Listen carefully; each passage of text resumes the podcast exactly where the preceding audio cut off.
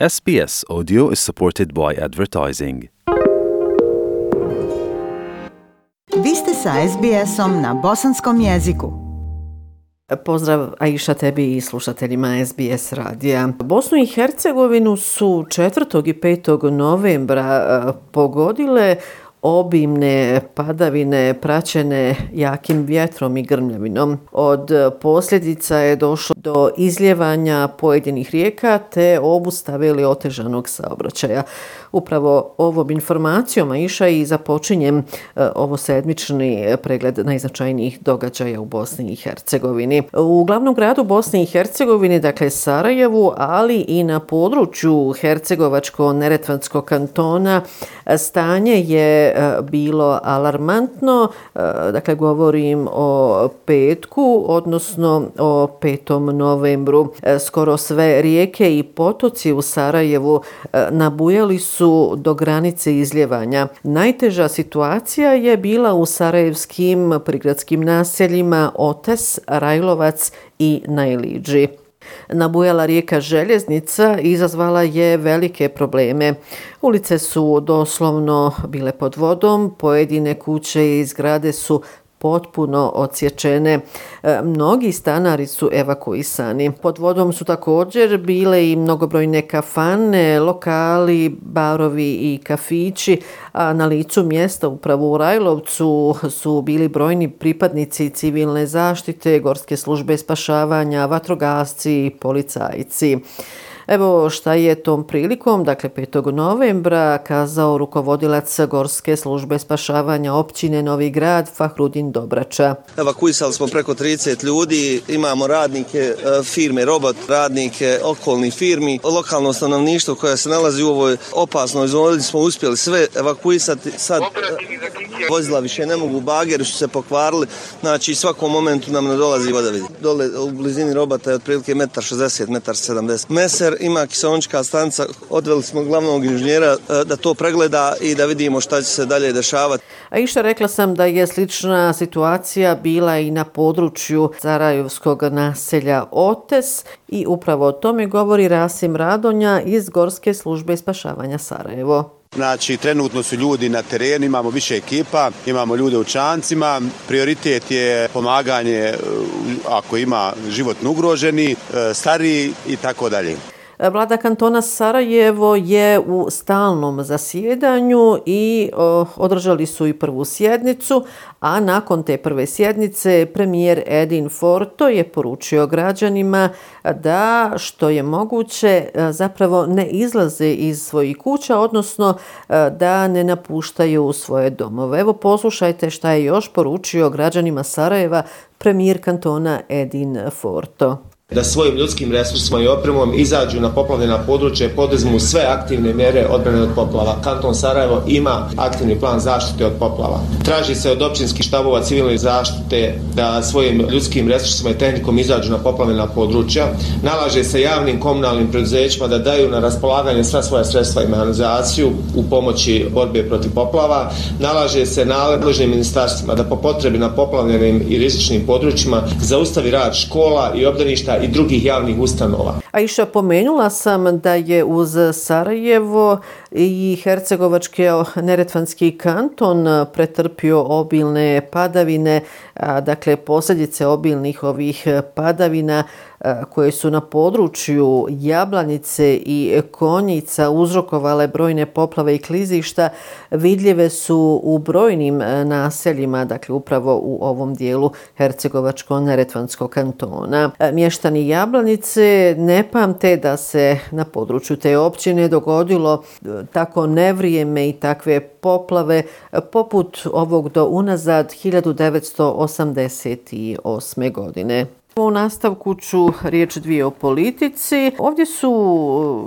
brojni građani, prije svega stanovnici Bosne i Hercegovine, sa velikim iščekivanjem očekivali i iščekivali e, sjednicu Vijeća sigurnosti Ujedinjenih naroda na kojoj se razgovaralo o Bosni i Hercegovini. I Vijeće sigurnosti Ujedinjenih naroda je 3. Novembra usvojilo rezoluciju kojom se produžava mandat EU Eufora, ali u kojoj se ne pominju OHR i visoki predstavnik predstavnik međunarodne zajednice u Bosni i Hercegovini. Jednoglasno sa 15 glasova za, misija EUFORA produžena je za narednih 12 mjeseci. Ono što je simptomatično ili osnovna karakteristika je da Vijeće sigurnosti Ujedinjenih naroda nije dozvolilo obraćanje Kristijana Šmita, novog visokog predstavnika u Bosni i Hercegovini, upravo pred članovima ove i tekako važne institucije. U prevodu Kristijan Schmidt je prvi visoki predstavnik kojem je zabranjeno da se obrati u Ujedinjenim narodima. Rekla bih neslavan početak njemačkog diplomate upravo na samom početku mandata visokog predstavnika. Moram reći da je pao u drugi plan i njegov prvi izvještaj koji je procurio u ovdašnjoj, dakle u BiH javnosti, e, bio je to, evo kratko ću reći, oštar i precizan izvještaj o stanju u Bosni i Hercegovini, dakle e, političkim blokadama, zatim najavama ocijepljenja koje dolaze iz Republike Srpske, također negiranju genocida, zveckanju oružjem, e, ratobornom retorikom Milorada Dodika i tako dalje. Ipak neka vrsta satisfakcije, rekla bih, e, samo je štura odluka o produženju mandata Eufora. E, pa domaći e, političari su svakako pozdravili ovu odluku o produženju mandata vojnika Eufora. A u nastavku ću reći da su i predstavnici međunarodne zajednice, dakle Evropske unije i Sjedinjenih američkih država, e, također pozdravili odluku o produženju e, mandata Eufora. E, u nastavku ćete i poslušati šta je rekao šef delegacije Evropske unije u Bosni i Hercegovini Johan Sattler te američki ambasador u Bosni i Hercegovini Erik Nelson. Za njih, dakle i za Sattlera i Nelsona, EUFOR odnosno euforove snage, e, bez sumnje osiguravaju stabilnost Bosne i Hercegovine. Evo, najprije poslušajte šta je rekao šef delegacije Evropske unije u Bosni i Hercegovini, Johan Sattler. U konačnici su prevladali stavovi o važnosti samog uh, eufora, o važnosti koji je unazad 15 godina eufor odigrao na terenu kada je riječ uh, prije svega o osiguranju jednog sigurnog i bezbjednog jednog okruženja u Bosni i Hercegovini, a što, kažem, dolazi u posebno jednom važnom trenutku svoje političke politisch gäbe, was jetzt ist. Political crisis. Na istom fonu je i ambasador Sjedinjenih američkih država u Bosni i Hercegovini, Erik Nelson, i poslušajte i njegovu izjavu. To samo po sebi govori o nesumnjevo važnoj ulozi EUFOR-a kada je riječ e, o daljem osiguranju suvereniteta, stabilnosti, teritorijalnog integriteta Bosne i Hercegovine i naravno važnost e, omogućavanja adekvatnog rada visokog predstavnika. Uh, are essential. Da, Semra, a šta kažu građani Bosne i Hercegovine? Da li je prisustvo esforovih snaga dovoljna garancija mira i stabilnosti?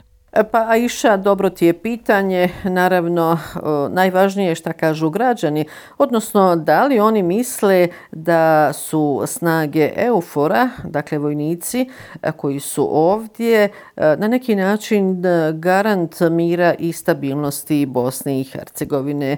Poslušajte ovu anketu među građanima. Svakako da jeste sigurnije, ali moramo biti sigurni samo sami u sebi. Svakako da je ovo dobar potež što su radili jedine nacije. Imam iskustvo iz prošlog rata. Nisam baš optimista. Ja mislim da, da EUFOR može spriječiti da to zaustavi ko bi pokušao tako nešto da napravi. Da li EUFOR unosi neku sigurnost? Iskreno ne unosi. To im je dužnost napravo su međunarodna zajednica uradila plan, imaju i održati ga moraju. E, za kraja iša, riječ dvije o koronavirusu, definitivno ovaj virus u Bosni i Hercegovini i dalje odnosi živote. E, broj umrlih iz dana u dan raste i ono se kreće između 30 do 40 osoba dnevno. Bolnice su gotovo u svim gradovima pune zaraženih. Pomoćnik federalnog ministra zdravstva Goran Čerkez kazao je da početkom ove sedmice imamo 25% više zaraženih u odnosu na proteklu sedmicu. Prema njegovim riječima, više od 90% zaraženih koronavirusom koji su na bolničkom liječenju su nevakcinisane osobe. Sa dolaskom hladnijeg vremena, kako kaže Goran Čerkez, raste i broj zaraženih jer većina građana vrijeme provodi u zatvorenim prostorima. Ipak, prema njegovim riječima, za sada nema potrebe za zatvaranjem, odnosno, kako on kaže, ne vjeruje da će se ikada više vraćati u lockdown. Prema riječima pomoćnika federalnog ministra zdravstva Gorana Čerkeza, lockdown je imao smisla i svoj cilj u vremenu kada je i bio donesen. Eto, toliko je iša ovoga puta iz glavnog grada Bosne i Hercegovine. Još jednom vam lijepe pozdrave. Šalje Semra Duranović-Koso. Like, share, comment. Pratite SBS Bosnian na Facebooku.